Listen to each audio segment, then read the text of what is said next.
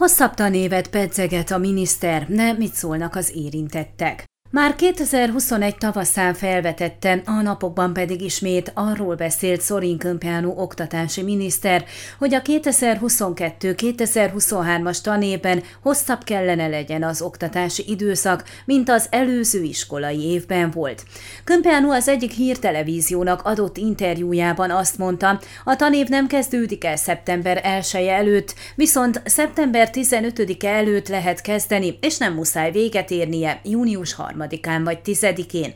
A szaktárca vezetője azt mondta, a rövidebb nyári szünet és a hosszabb tanítási időszak témájáról egyeztetni készül a tanári, tanulói és szülői szervezetekkel, az egyeztetéseken pedig érvként fogja felhozni más országok példáját, amelyek oktatási rendszere rendkívül eredményes. Korábban már nyilatkozta a miniszter, hogy a romániai 34 hetes tanév az egyik legrövidebb Európában. Egy 12 éves ciklusban számolva egy németországi diák két és fél évvel többet tanul, mint a romániai társai.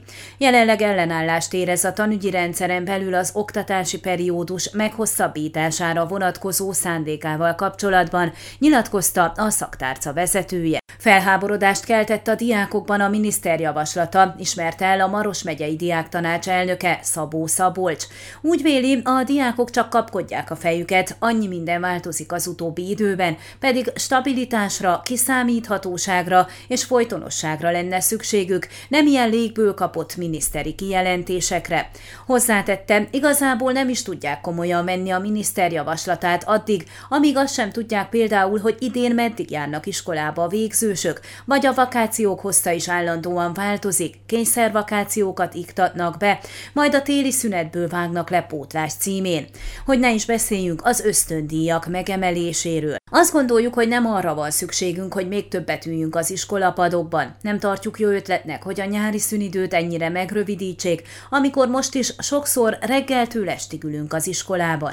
Mindezek helyett az oktatási rendszer megreformálására volna szükség, hogy megtanítsák gondolkodni a diákokat, ahogy nyugati oktatási rendszerekben is, a diákok erősségeit fejleszték, ne a tananyagot súlykolják mindenkibe, fogalmazott a diákvezető, aki azt is fájlalja, hogy az ilyen kijelentések előtt nem egyeztetnek az érintettekkel, vagyis a tanulókkal és a pedagógusokkal.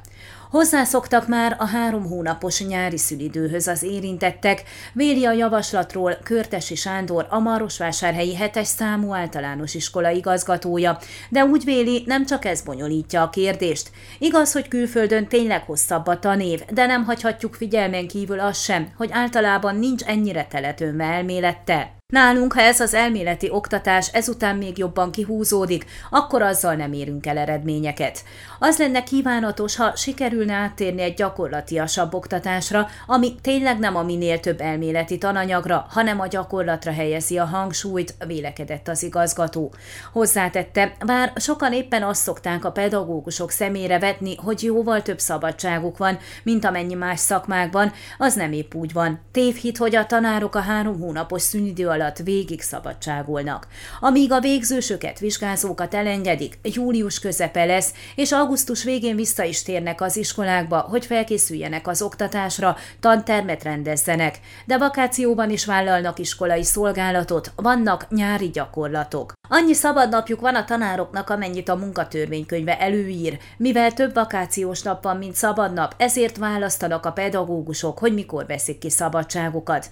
Van, aki inkább a húsvéti vakációt áldozza fel, akkor teljesít iskolai szolgálatot. Van, aki a téli vakációból vág le, hogy nyáron többet tudjon szabad lenni, magyarázta az igazgató, aki szerint ennek ellenére nem tartja jó ötletnek senki a rövidebb nyári szünidőt. Mindenki elismeri és hangosan kimondja, hogy a gyerekek mennyire le vannak terhelve, de senki nem tesz semmit, inkább meghosszabbítjuk a tanévet. Hatalmas a tananyag, azon kellene módosítani, nem a tanévet kinyújtani.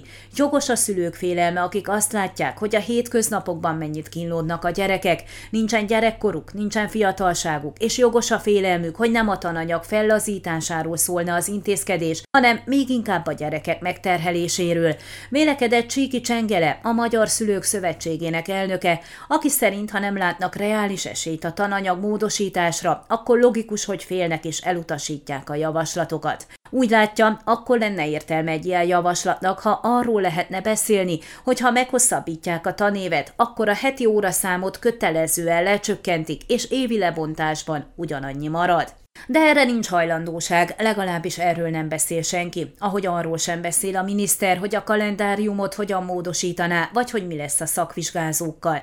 Nem működik ez, hogy január elején kijelenti, hogy szeptembertől másként lesz. Ez csak arra jó, hogy felkorbácsolja az idegeket, és azzal annyi, fogalmazott a szülők képviselője. Úgy véli, a szülők véleménye megoszlik, ugyanis a városi szülők sokszor nehezen boldogulnak a kisebb gyerekekkel a hosszú nyári vakáció alatt, a vidékiek viszont többnyire könnyebben. Ebből a tekintetből is meg kell vizsgálni a helyzetet, de ugyanakkor azt is mondhatjuk, hogy a közoktatási intézmények nem gyermekmegőrző intézmények. Rengeteg szemszögből kellene vizsgálni a helyzetet, véli az elnök, aki úgy érzi, a szaktárca vezetője ezúttal is egy légből kapott kijelentést tett, amely mögött nincs semmiféle egyes egyeztetés az érintettekkel, vagy bármiféle elgondolás, mögöttes tartalom.